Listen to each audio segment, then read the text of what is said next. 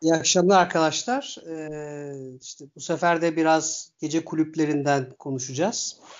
Ee, gece kulübü ben biraz gene bu e, sektörel anlamda bakacağım gece kulüplerine. Yani biraz finansal anlamda nasıl işlediğini vesaire operasyonunda da biraz e, göz atacağız. E, şimdi gece kulüpleri çok büyük e, işletmeler değil aslında. Şöyle söyleyeyim. E, yani işte senelik ciroları tabii kulüpten kulübe değişebiliyor. E, 100 milyon euroları bulabiliyor. E, yani normal bir firmayla karşılaştırınca çok büyük bir rakam gibi e, kulağa gelmiyor. E, yani aslında operasyon olarak e, yani çok sayıda insanın e, geldiği e, hatta bazen bulunduğu şehrin e, içindeki bütün futbol kulüplerinden daha fazla sayıda insanı ziyaret ettiği mekanlar olabiliyorlar şehre göre. E, tabii ki e, gece kulüplerinin çok ön planda olduğu yerler var. Bunlardan gene aynı şekilde e, Bu arada bir şey soracağım bir dakika. Gece kulübü bilince ne anlıyoruz? Ya tabii şimdi e, yani hani İngilizcesi night club e, bu gece kulübünden kastımız e, çoğu zaman e, işte şu an son dönemde daha çok e, elektronik müzikte olan insanların e, dans ettiği e, yani çoğu zaman rahat konuşamadığı ortamlar e, ve daha çok işte orada e, rahatlamak için, dans etmek için geldikleri ortamlar. Biraz da e, nasıl bir evrim geçirdiğinden bahsedeceğim zaten son dönemde. E, şey diyordum yani şu anda gene e, işte o sohbetinde olduğu gibi e, gece kulüplerinin yani en önemli merkezlerinden bir, birine çok yakın yaşıyoruz. Biliyorsunuz Ibiza e, bu konuda çok ön planda. E, aynı şekilde mesela New York, Miami e, gibi yerlerde e, Amerika'da Las Vegas özellikle eğlence sektörünün gelişmiş olduğu yerlerde çok iyi gece kulüplerine e, rastlıyoruz. E, şöyle enteresan bir olgu var. E, gece kulüplerin ömrü çok fazla olmayabiliyor. Özellikle rekabet olan yerlerde yani böyle bir buçuk sene, iki senelik ömrü olan en azından çok fazla para kaybetmeye başlayan yerler olabiliyor. Çünkü çok enteresan bir e, para kazanma dinamiği var. Gece kulüpleri genelde e, eğer iyi bir şekilde tanıtım yaptılarsa çok para kazanarak başlıyorlar ömürlerine. Sonra maliyetleri gittikçe artmaya başlıyor ve e, bir noktadan sonra rekabet de varsa bir iki, bir iki sene sonra e, trend olarak çok ön planda olmadıkları için de e, kepenk kapatmak zorunda da kalabiliyorlar. Tabii çok fazla rekabeti yoksa uzun süreler dayanabiliyorlar. O da ayrı bir konu. E, genelde maliyetler ne oluyor? E, işte zaten bir yerin kiralama maliyeti e, ve özellikle eskiden e, gördüğümüz promoter dediğimiz kişiler var arkadaşlar. Onlar gittikçe daha fazla para istemeye baş, başlıyor. Promoterlar kim? Bu hatırlar mısınız belki Barcelona yıllar önce de vardı hala da olabilir. E, birinin listesine giriyorsunuz. Şaz list vardı mesela çok meşhur. E, o işte e, gece kulübünüzü tanıtıyor. Onun listesine girdiğiniz zaman işte e, belli bir saate kadar e, da ücretsiz giriyorsunuz ya da avantajlı giriyorsunuz içeriye. Yani Hala bunlar var, evet. gece evet gece kulübüne insan getiriyorlar. Ve bunlar gittikçe popülerleştikçe daha fazla para talep etmeye başlıyorlar. Yani gece kulübünün fix maliyetleri dışında bunlar çok ciddi e, gece kulüplerini finansal anlamda belli bir noktadan sonra sıkıntıya sokabiliyorlar. Çünkü bunun gibi işte 20 kişi 30 kişiyle çalışırsanız işte hepsi komisyon alıyorlar getirdikleri kişilerden. Bu ciddi bir rakama e, ulaşabiliyor. Yani çok uzun ömürlü, uzun soluklu e, şeyler olmuyorlar. Bunun dışında çok önemli gece kulübü markaları mesela bunların arasında Paris'te Buda var. Buda var çok meşhurdur. Ve bunlar e, franchise vererek çok e, yani başka ülkelerde, başka şehirlerde de e, kurabiliyorlar kendi zincirlerini. Mesela Barcelona'da Buda Bar vardı. İşte New York'ta var. İşte büyük önemli yerlerde, merkezlerde e, franchise veriyorlar. Ibiza'nın çok meşhur Paşa Club'ı vardı. Aynı şekilde Barcelona'da vardı. New York'ta var, Miami'de var vesaire. E, büyüyebiliyorlar. Bu arada e, şöyle enteresan bir dinamik var. Bazı yerlerde mesela e, özel membership kartı alıyorsunuz. Mesela Londra'da gece kulüplerine senelik yüksek bir rakam vererek Yani bu 1000 pound olabilir, daha yüksek bir rakam olabilir. E, o kartla sadece girebiliyorsunuz. Kart size access veriyor. Öyle kapıya e, sıra e, kuyruğa, kuyruğa girip girmeniz bazen mümkün olmuyor. Yani biraz model de değişik oluyor. İş modeli e, gece kulüplerinde. E, bu konuda üç tane enteresan kitle var arkadaşlar. Birinci kitleye belki biz uygun olabiliriz. Bu kitle e, işte şey daha e, kuru gürültü kitle diyelim. E, çok fazla para harcamayan ama gece kulüp, gece kulübünü kalabalık gösteren kitle. Filler crowd diyorlar bunlara. E, bunlar lazım çünkü gece kulübünün kalabalık olması lazım. Kalabalık görünmesi lazım. Diğer e, kişilere daha çekici olması için. Bunu soracaktım ee, tam. Neden tam olarak kalabalık görünmesi lazım yani? Onu, onu söyleyeceğim. Yani popülarite e, e, gelen kişilerin hissetmek istediği bir şey. Yani e, boş bir gece kulübüne kimse gelmek istemez. Özellikle parayı zaten filler crowd'dan kazanmıyorsunuz. Parayı e, battle customer dediğimiz şişe açtıran kitle kazandırıyor gece kulübüne. Çünkü bunların bazı Efendim? Şey de var mesela e, hani bu normalde sadece kalabalık yapan kişiler arasından aslında bir şekilde e, diğer tarafa çekici geldiği için hani orada bulunması gereken insanlar da oluyor. Mesela bazı kulüplerde görürsünüz atıyorum VIP salonu vardır. Hani oranın biletleri açıktan satılmaz.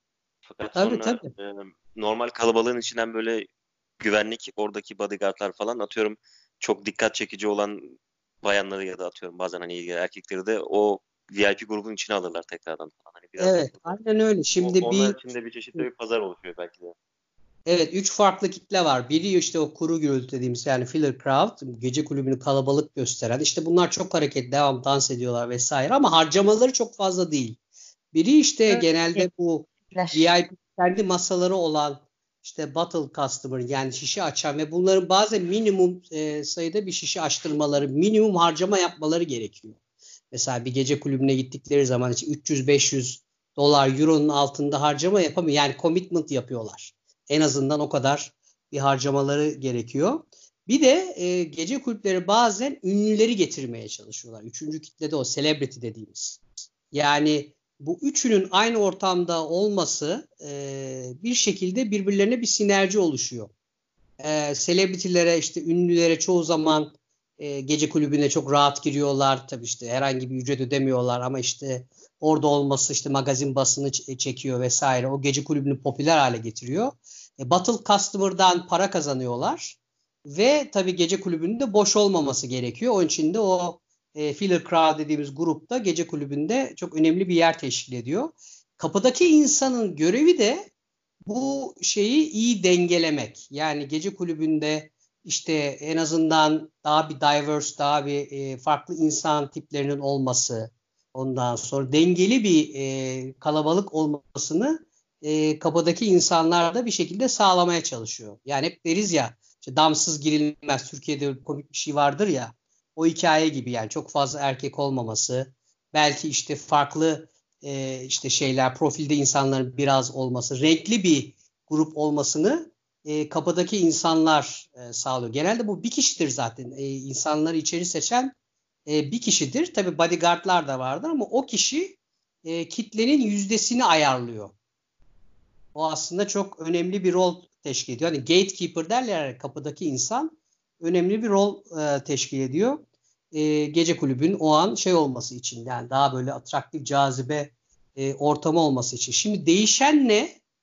e, dediğim gibi eskiden bu e, promoterlar e, çok ciddi anlamda paralar sonuçta teşk- e, talep edebiliyorlardı. E, ve onların onlara biraz e, dayanmak zorunda kalıyordu gece kulüpleri insanları çekebilmek için.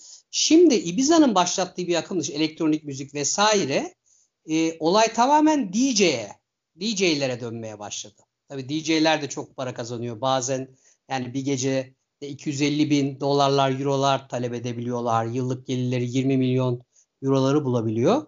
Fakat gece kulüpleri o geceyi bir event haline getiriyorlar. Ve bazen biletleri önceden satıyorlar. Yani o sadece amaçsız bir işte e, bir müzik etrafında dans etmektense DJ'in belli bir tema üzerinde event haline getirmesi çekici hale geldi. Ve böylece promoterların o baskısından da kurtuldular. Çünkü insanlar ünlü DJ'lere geliyorlar. Çok iyi bir müzik sistemi kuruyorsunuz. DJ için de çekici hale getiriyorsunuz. E, DJ ile bir anlaşma yapıyorsunuz. DJ orada bütün sezon durabilir ya da birkaç gün için gerekebilir, gelebilir. DJ'ler de aslında tabii zor bulunan iyi DJ'ler, kişiler. Çok ünlü DJ'lere ulaşmak zor.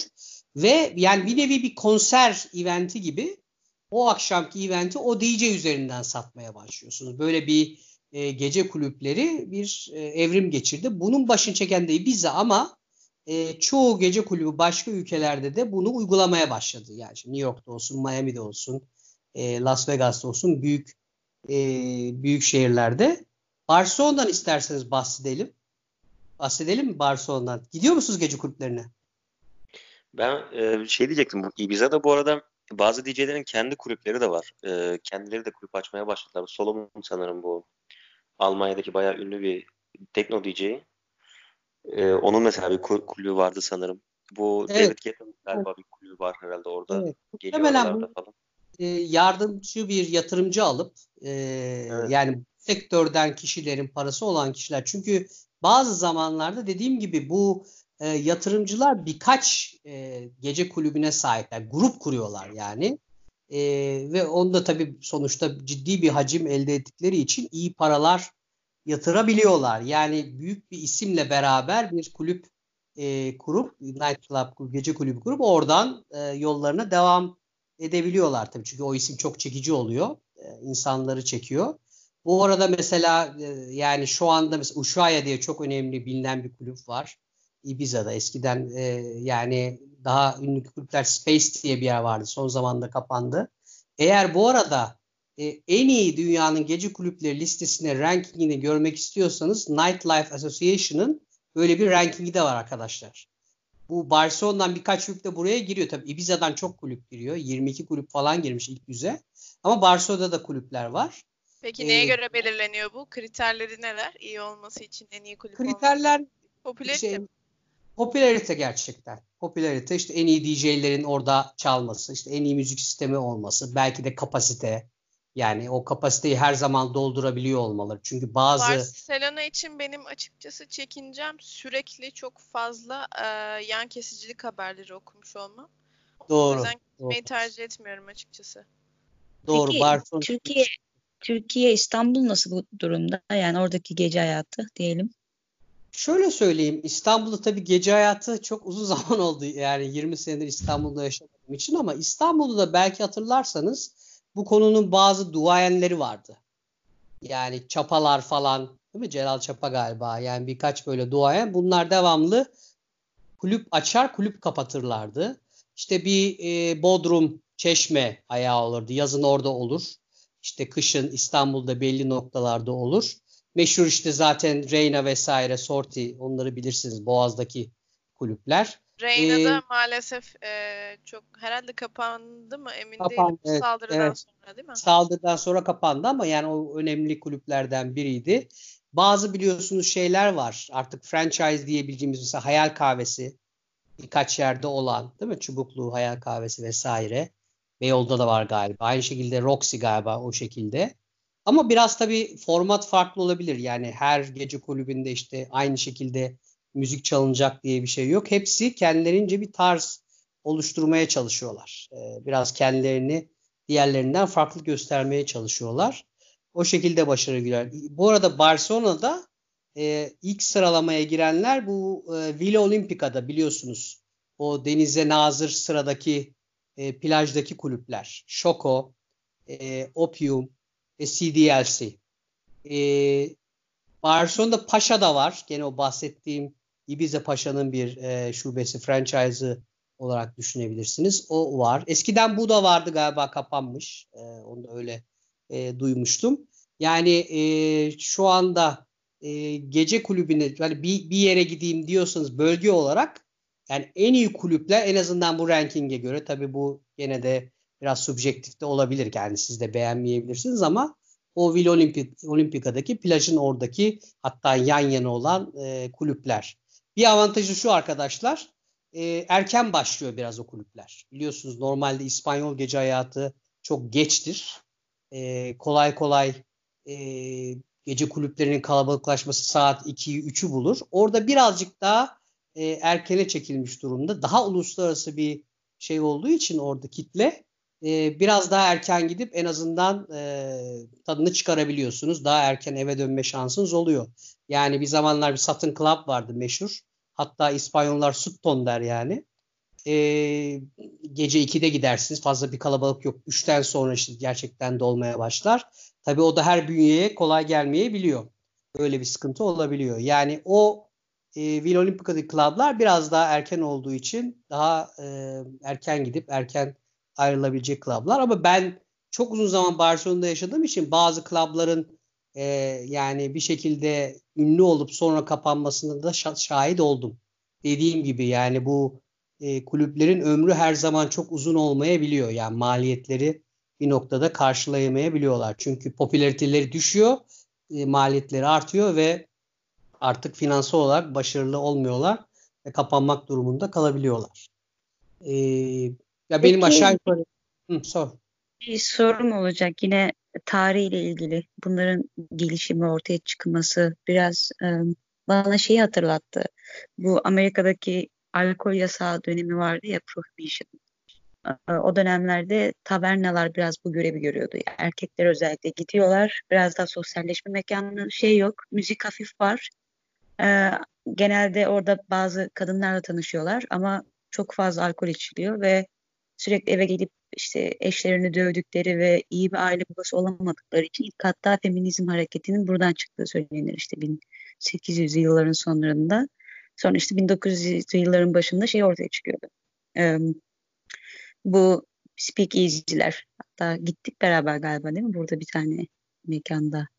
Yani e, alkol yasağı geliyor e, bütün Amerika'da ve onun yerine sürekli bu jazz club'larının işte speakeasy adı verilen illegal yerlerin ortaya çıkması bir nevi işte toplum ahlakını bozduğunu düşündüğü için devlet tarafından kapatılan dini sebeplerle bazı tabernaların zamanla bir şekilde kadınların biraz daha sosyal hayatına girmesi, kadınların biraz daha e, sosyal hayatta eğlenme haklarının ortaya çıkması, işte 1960'lar 70'lerle acaba yavaş yavaş bu aşamaya mı evrildi? Yani bunun tarihsel açıdan şöyle bir akışını baktığımız zaman bir bağlantı görebilir miyiz?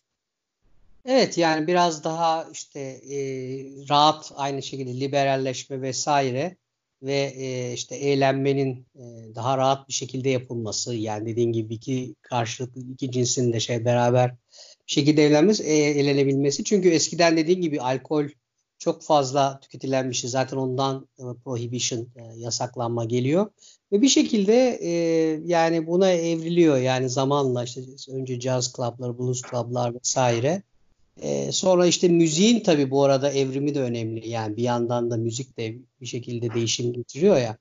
E, sonunda hatta böyle bizim çok e, biraz komik bulduğumuz diskolar vesaire Türk filmlerinde de gördüğümüz değil mi? Oradan başlayıp sonra daha modern night club'lara e, yavaş yavaş geçiş oluyor.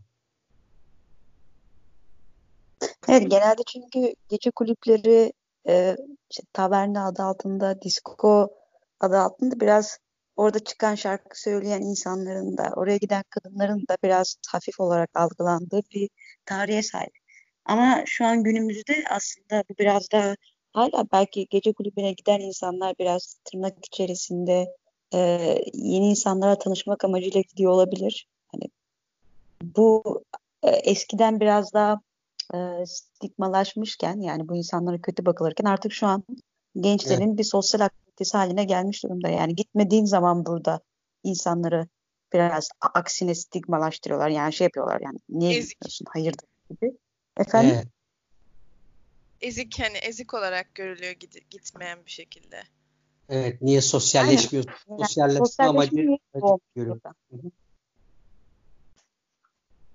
Evet, belki de işte işin biraz psikolojisine girebiliriz değil mi şimdi? Neden insanlar, e, bence iyi bir bağlantı olabilir. Neden insanlar sana birbirine gidiyorlar?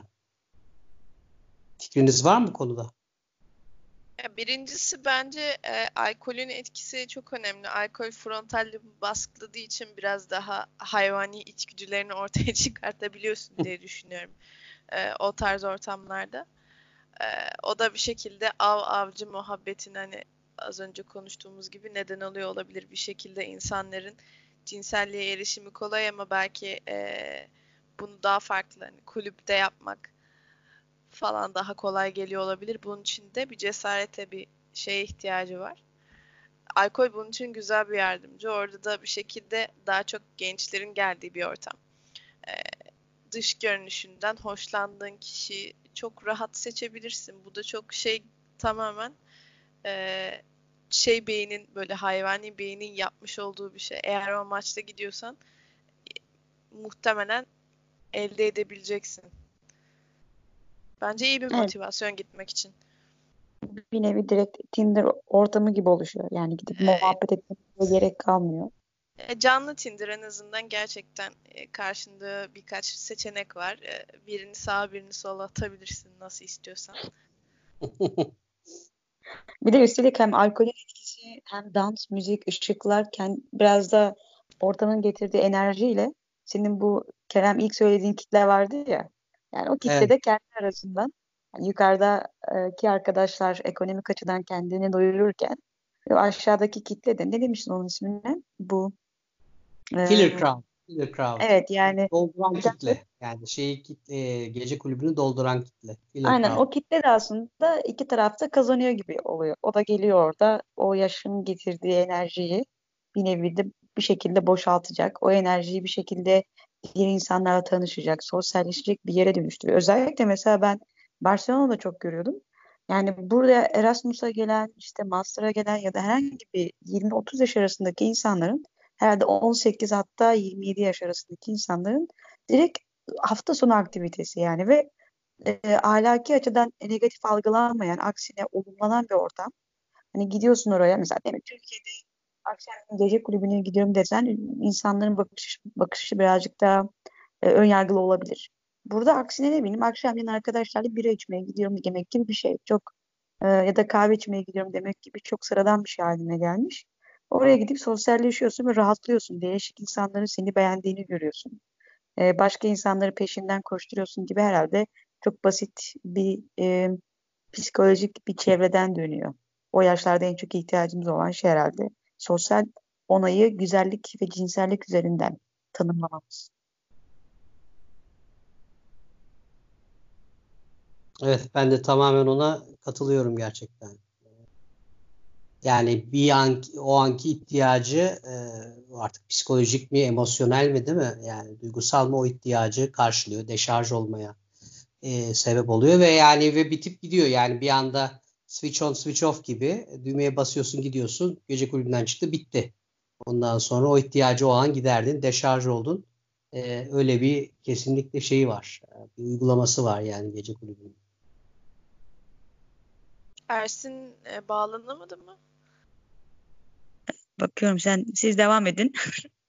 Hı, biz devam edelim. Bu arada e, Merve duydum bilmiyorum ama biliyorsun tabii bu gece kulüpler girişler, cover charge, içkiler falan çok pahalı. Ibiza'da yeni bir kanun geldi. Bilmiyorum mu duydun mu? Şimdi su ücretsiz olacak. Su vermek zorundalar kulüpler şeylere. E, gelen kitleye. Normalde o bile çok pahalıydı vesaire. E, işte Ibiza Belediyesi komik bir şekilde suyu ücretsiz vermek zorundasınız diye bir kanun çıkardı. Çok ilginç yani ben bunu görünce bayağı şaşırmıştım yani normalde her şeyin paralı olduğu bir yer işte bir 50 euro veriyorsun belki bir içki veriyorlar vesaire. Ee, böyle gelen kitleyi düşünen e, bir şey karar aldılar. Çünkü en azından çünkü tabii orada çok dans ediyorsun vesaire çok e- efor sarf ediyorsun. Bari bir su ücretsiz olsun diye bir karar aldılar ve e, gece kulüpleri bunu uygulamak zorunda kaldı. Uygulamaya koydular yani. Bir de bu gece kulüplerindeki şey çok ilgimi çekiyor benim. Mesela 5-6 katlı yapıyorlar ya da değişik segmentleri oluyor. Her evet. segmentte ya da her katta farklı müzik, farklı bir ambiyans, farklı bir DJ, farklı kitle. Yani aynı isim evet. altında özellikle 20-30 yaş arasına hitap eden. Senin o ilk söylediğin belki o VIP tarzdan farklı. Yine gece kulübü ama belki orta sınıf gibi oluyor. Bir ortam da çok fazla yaygınlaşıyor diye düşünüyorum.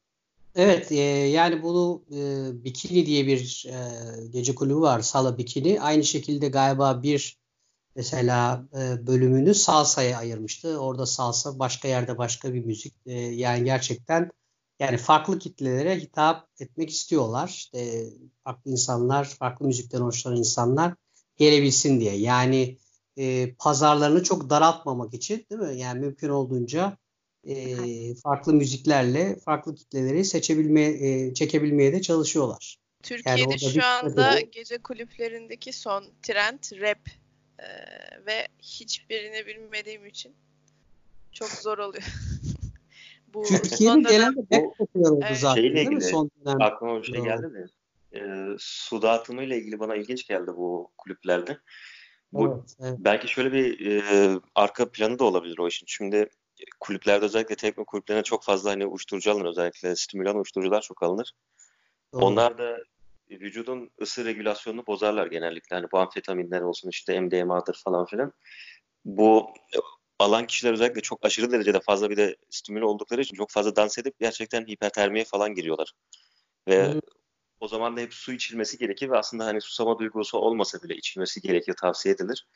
Evet. Belki de hani o anda kişiler belki de hani bunu hep bir şekilde kolaylaştırıcı bir faktör olarak düşünmüş olabilirler. Aslında çok mantıklı hani onun yapılması lazım.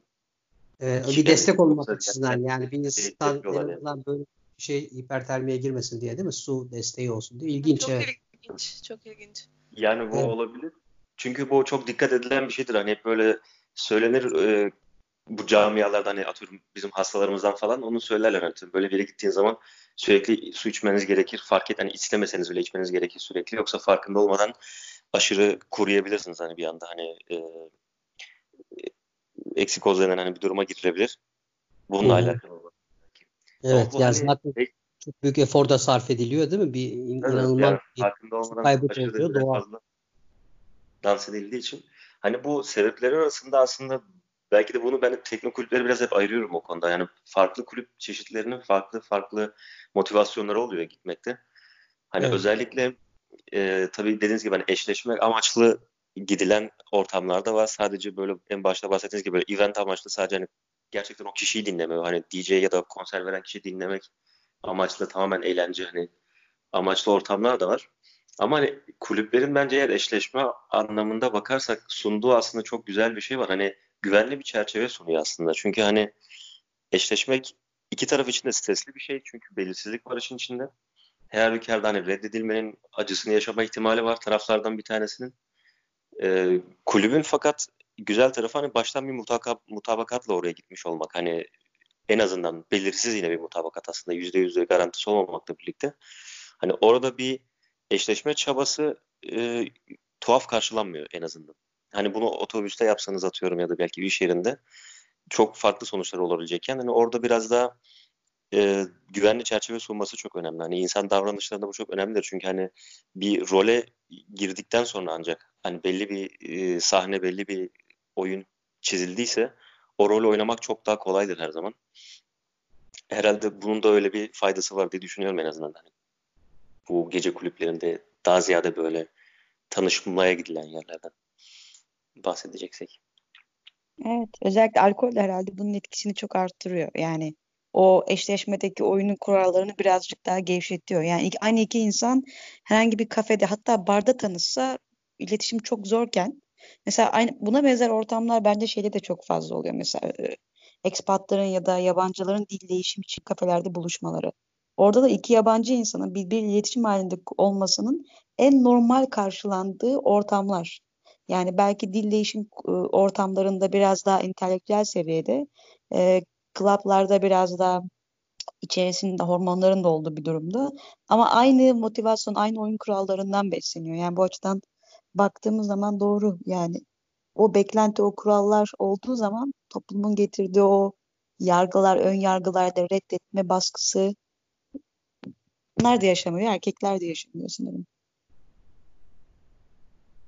Yani aslında bu tip ritüeller hep önceden de hani eski çağlarda var ya böyle bazı gelenekler olur işte e, tanışma festivalleri olur mesela bazı köylerin ya da atıyorum bekarlar festivali falan. Hani bu hala da vardır Almanya'da bu işte bir Rosenmontag diye bir şey vardır burada. Hani atıyorum erkekler e, dışarıya çıkarlar kadınlar da sonra gidip onun kravatını keser falan. Kravatını kestiğini alır evine götür gibi. Hani böyle bu tip e, hani bu serbest ortamda tanışmayı ya da hani bu çerçeveyi sağlayan bazı kültürel yapılar önceden de aslında oluşmuş bir şekilde hani benim aklıma çok basitçe biyolojik olarak hani hep dalga geçilir bir şekilde çiftleşme dansı diye bir şey var gerçekten. Benim aklıma hep öyle bir şey Hayvanlarda mı? Hayvanlarda. Evet. Aha, hayvanlarda olan çiftleşme evet. dansı da bir şekilde aslında modern insana yorumlayabilirsin bunu. Hayvanlardaki çiftleşme dansını biraz açar mısın? Genelde özellikle erkeklerin yaptığı e, dişinin dikkatini çekmeye beni seç beni seç demesine yarayan bir türlü dans. Ben biyolog değilim sonuçta. İnsanlar bu tarz e, çiftleşme danslarını e, yapmasalar bir şekilde de süslenmek gibi evet. karşı cinsin dikkatini çekmeye çalıştığın her türlü eylem buna dahil edilebilir. Hemen hemen yani çiftleşme amacıyla yaptığın bir davranışı bunun içine sokabilirsin. Yani bu şundan şundan dolayı sordum. İlla memeliler gibi canlılar değil, böceklerde olan da bir şey bu aynı zamanda tabii, değil mi? Tabii kuş, kuşlarda özellikle çok yaygın diyebiliyorum. Şarkı söyleme, e, dans etme, dişinin dikkatini çekmeye çalışma. İşte galiba o dişiyle erkeği yan yana gelmesi şu anki toplumsal yapımızda e, bazen çok karışıyor roller. Yani mesela bir kadınla bir erkek yan yana bulunuyor ama tam olarak ne beklemesi gerektiğini birbirlerinden bilmiyor. Yani mesela metroda yan yana oturan bir iki yabancı birbiriyle iletişim kurmakta belki bazen zorlanıyor. Sınırı nerede koyacak? Ama iki hayvanı yan yana koysan o kadar yabancı birbirine muhtemelen bir şekilde e, iletişim kurarlar birbirleriyle.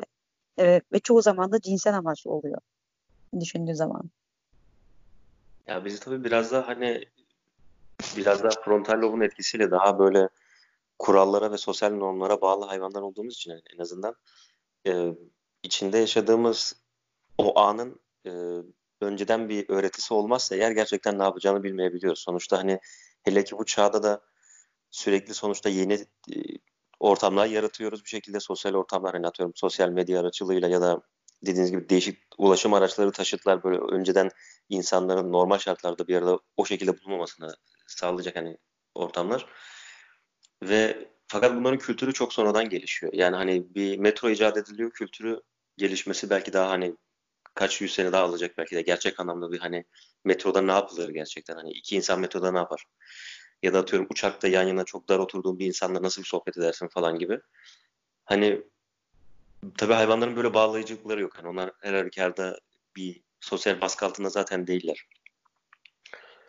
Bizde hani o problem de var sanırım birazcık. Tabii bunu rahatlatan bazı mekanizmalar da var. İşte dediğimiz gibi hani konuştuğumuz şeyde birazcık da oydu hani bu kulüp olayı ya da hani ne bileyim Tinder mesela bu da hani onun gibi.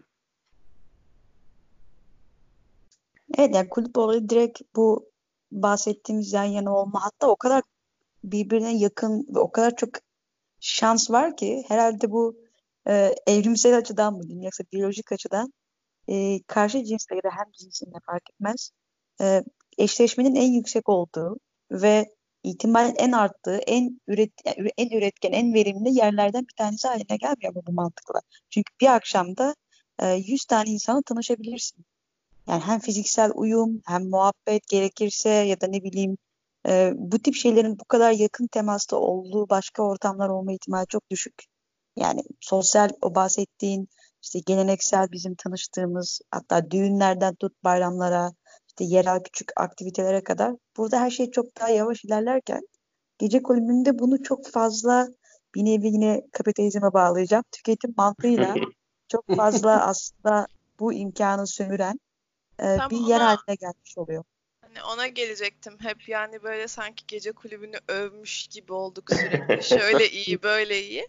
ee, ama kötü yanın hani nereden ele alabiliriz? Kötü yanları, yan etkisine yani tam olarak bunun hem sömürü anlamında diyorsun hem de insanı belki de e, yapmadığı bir şey bir şekilde zorlayabilir. En azından ben Türkiye açısından konuşuyorum. E, oraya gittiysem bazı şeyleri göze aldın. E, başına gelecek şeyleri göze almış oluyorsun bir şekilde. Bence böyle de bir yanı var. Bir de evet, bence yanlış beklentilere sokabilir değil mi insanları evet. yani gelip giden insanın profili açısından farklı yanlış algılamalar olabilir haklısın. Ve tarihsel anlamda böyle sanat sömürüsü de var bu işin. Pardon? tarihsel anlamda da zaten o tip yerlere giden kadınlar biraz önce bahsettik ya işte tavernalarda olan ya da ondan sonra işte diskolarda olan hep. Ya benim aklımda ee, şöyle bir kadın var Disco Din Türk filminde diskoya gider bir kadın ile şey e, ilaç atılır içkisine sonra olaylar gelişir şeklinde böyle. Yani bir de bu kültürün içinde sonuçta sanatın bir sömürüsü de var. Hani sanatın metalaştırılması durumu var birazcık orada. Hani müziğin ya da oradaki yapılan görsel şovların falan. Hani gerçekten insanın böyle oturup da sanatı sakin bir kafayla sindirip bir şekilde tadına vardığı bir ortamdan ziyade cidden hızlı bir şekilde tüketildiği ve hani alkol etkisi altındayken zaten yarım yamalak anlaşıldı ya da uyuşturucu etkisi altındayken diyelim genel anlamda. Yine hani böyle bir şeye geliyor. Yine kapitalizme geldik. Yine kapitalizme evet. geldik evet. İster istemez. Ay, tabii kapitalizmin şeylerinden biri yani bence. En önemli reprezentasyonlarından biri şey gece kulüpleri. Yani çok hızlı tüketimin olduğu, sosyalleşmenin çok hızlı olduğu, belki amaca ulaşmanın çok hızlandırıldığı, değil mi? Devamlı bir alkol e, pompalanmasıyla ve yani sonuçta çok büyük kar marjlarının olduğu. En azından işte verilen ürünler açısından gerçekten hani kapitalizmde bu bunun kıyası gerçekten mantıklı. Yapılmayacak bir kıyas değil gerçekten. Yani çok çok suni bir ortam olabilir, artifisiyel bir ortam aynı zamanda. E, her şeyin çok hızlı geliştiği e, ve tamamen yani e, club sahiplerinin e, yani çok ciddi paralar kazanabildiği bir ortam gerçekten. Yani yine en baştaki konuya dönüyorum. Bir nevi insanın temel ihtiyaçlarının iyi gözle, gözlemleniyor. Yani elbette ki bir partnere ihtiyacımız var. Sosyalleşme ihtiyacımız var. Cinselliğe ihtiyacımız var. Eğlenmeye ihtiyacımız var. Ama bunları bu tip e, ortamlar altında işte alkolü fazla abartarak belki evet. e, night club modu altında gece kulübü altında hem cinselliği hem karşı cinse tanışmayı ya da hem cinse tanışmayı çok e, ucuz hale getirerek yani ucuzdan kastım bazı şeylerin belli bir en basit hayvanlar bile bir şekilde bir emek göstererek bir şekilde birbirlerine uyumluluğunu e, görerek bir zaman içerisinde bir akış içerisinde bir şeyleri şekillendiriyorlar. Yani cinselliğin ya da eğlencenin illa çok büyük anlamlar ifade etmesi gerekmiyor ya da toplumsal oyunun kuralını belirlemesi gerekmiyor. İşte şöyle yapamazsın, böyle kurallar var gibi olmasına gerek yok ama bu kadar çabuk olması da tıpkı şey gibi yani her şeyi çok rahat elde ettiğimiz için şu anki toplumda bile hiçbir şeyin kıymetini bilemiyoruz. İşte mesela şimdi virüsle ilgili bir sıkıntı çıkıyor. En basit ihtiyacın çok ulaşılabilir hale gelmiyor. Mesela tuvalet kağıdı bir anda düşünmeye başlıyorsun. Hakikaten ya tuvalet kağıdı neden bu kadar önemli bizim için? Önceden bu kadar anlamlı olmayan düşünmediğin şeyler bir anda hayatında düşünmeye başlıyorsun. Hakikaten yemeğe ihtiyacım var. İşte temel ihtiyaçlarımız. Dün konuşuyorduk ya Aybüke ile. Yani bu bize niye düşündürüyor bu tip durumlar? Aslında temel ihtiyaçlarımızın e, bazen farkında vararak tüketmemiz bizim o tükettiğimiz şeylerin daha anlamlı hale gelmesine sağlıyor. Öbür türlü işte gece kulübüne giden bir sürü arkadaşın ben de dahil olmak üzere gidiyorsun. E, bir şey eline geçmiyormuş gibi hissediyorsun. Yani bu şey gibi oluyor. Bir tür eğlence obezi oluyorsun. Bir o el al o ya da seks obezi oluyorsun ya da uyuşturucu obezi oluyorsun. Ondan zevk almıyorsun. Belli bir yerden sonra onu yapmak için yapmaya başlıyorsun. Hatta sosyal onay için kadınlar da erkekler de bir tür bağımlı hale gelmeye başlıyor. Mesela ben oraya gittiğim zaman gördüğüm şey şuydu. İşte yakışıklı erkekler bütün gün ya da işte vücut çalışmış erkekler bütün hafta onu emek harcıyorlar. Gelip orada ne kadar e, piyasada para ettiğini görmeye çabalıyor diyelim. Burada para etmesi de kadınların ona ilgi göstermesi.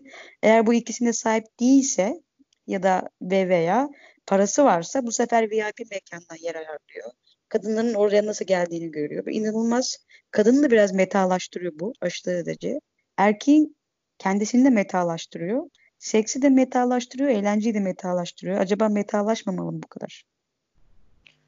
Ya e, eğer yani düşünsene bir, bir yere gidiyorsun ve tek sahip olduğun ya da gösterebileceğin ya da karşılığında değer görebileceğin şey vücudun bir şekilde. Yani bu bence insanı e, temelde çok değersiz ve mutsuz hissettirebilecek bir şey. Eğer vücudun çok güzel değilse ya da çok güzel insanları görüyorsan orada bir şekilde kendinde kusur aramaya başlama ihtimalin çok yüksek. Ben kendi adıma konuşayım en azından. Ee, çok düzgün bir vücudu olmayan bir insan olarak. Peki. Evet bence gece kulübünün bir negatif özelliği referansları yanlış gösteriyor bize. Yani orada bütün insanlar güzel, bütün insanlar yakışıklı. Belki de o referansları normalde almamamız lazım kendimizle kıyaslamak için. Değil mi? Çok hani küçük bir grup o. Ee, belki biraz daha şanslı bir grup. Ee, dışarıda daha böyle bizle e, kıyaslayabileceğimiz, daha makul kıyaslamalar yapabileceğimiz insanlar var. Bu da dediğin gibi bir problem yaratabiliyor yani kendi şey Biraz... e, açısından. Biraz bu Hollywood, porno endüstrisi falan gibi aslında bizim hem cinselliği hem karşı cinsi hem aşkı öğrendiğimiz bazı platformlar filmlerde de böyle. Yani oldu aslında iyi anlamda kullanılabilecek birçok platform hatta konuşmuştuk ya bir ara. E, Erika Last diye bir kadın var Barcelona'da yaşayan. İşte pornonun kadınların ve erkeklerin özellikle gençlerin e, cinselliği öğrenmesinde işlevsel olabileceğini düşünüyor. Ama bunu eğer e, hem kendi bedenine olan özgüveninin gelişmesi o yıllarda çok önemli diyor. Hem e, işte karşı cinsle olan ilişkisi hem cinsinde olan ilişkisi neyse. Ama e, neticede bu tip ortamlar hem gece kulüpleri hem e, filmler hem pornolar neyse bu tip ortamlar bizim cinsellikle ve kendi bedenimizle olan ilişkimizi sağlıklı kurmamıza vesile olacak platformlar olabileceğine yaşadığımız çağın getirdiği tüketim baş yani o enerjisiyle çok metalaşıyor, çok tek tipleşiyor. O tek tipe uymak için hepimiz bütün paramızı ve enerjimizi harcıyoruz. Eğer uyamazsak da kendimizi yetersiz ve mutsuz hissediyoruz ki toplum bunun için de bazı psikologları, bazı yaşam koçlarını, cimleri falan geliştirdi. Buradan da müthiş bir endüstri geliştiriyor. Yani uyamayanlar için ayrı bir tüketim olayı, uyumaya çabalayanlar için ayrı bir tüketim olayı, uyup da sistemin içerisinde olanlar için de buyurun işte sizin için VIP salon. ya şu anda inanılmaz bir estetik cerrahi sektörü var yani ve her sene de muhtemelen büyümeye devam edecek ve şu anda hatta Türkiye bu konuda çok popüler. Sağlık turizmi açısından çok fazla e, hasta geliyor gidiyor. Özellikle benim gördüğüm Orta Doğulu hastalar çok gelip gidiyor. Ee, ucuz da bu tarz işler. Yani saç ektirmekten tut e, burun estetiği zaten Tabii. artık herkesin yaptırdığı bir şey haline geldi. E, bişoktomiler işte yanak aldırmalar bin, ya o kadar envai çeşit şeyler var ki ve baktığın zaman gerçekten insanları değiştiriyor. insanları güzelleştiriyor. Böyle bir sektör, koskoca bir sektör bir şekilde karşı tarafın seni beğenmesi ya da senin aynaya baktığında kendini beğenmemen. Çünkü e, standarda bir şekilde uymaman, etrafında gördüklerinin çok güzel olması ya da çok genç olması, botoks yaptırmaya ihtiyaç duyman gibi şeylere sebep oluyor. Bir nevi gece kulüpleri de aslında gidiyorsun, referans kategorileri görüyorsun diyelim. Çünkü orada evet. sen hiçbir şey yapmasan bile yani o dönemin fark etmez belki yaşadığımız çağın güzellik algısı başka. Ama şu anki gece kulüplerini alıp işte milattan önce 3000 yıla götürsek orada da erkeklerin baktığı, kadınların baktığı erkek tipleri olacak. Ve senden mutlaka diğerleri diğerlerinden yani ona benzemeyen, o prototipe benzemeyen kendisini garip hissedecek. En basit işte kadınların bundan 2000-3000 sene önce vücut yapılarının farklı şekilde güzel olarak algılanması. İşte biraz daha e, günümüzde güzel olarak algılanan kadınların o zaman sıska ve verimsiz, üretken olarak algılanmayıp çirkin olarak kabul edilmesi. Yani muhtemelen şu anki işte gece kulüplerin güzel kadınları diyelim tırnak içerisinde o dönemde kimsenin bakmadığı köşede tek başına bira içen kadın gibi olacaktı yani. Haliyle belki o kadınla gidip sürekli bir şeyler yemeye çabalayacaktı. Ne yapıyorsun? hani nasıl kilo alabilirim gibi. Evet. evet. Neyse. Yeter mi arkadaşlar? Valla konuştuk. Bakayım kaç dakika oldu. Yarım saat Yine... geçtik. Bu da güzel oldu. oldu. Bu da güzel oldu. O zaman teşekkür ediyorum. Teşekkürler.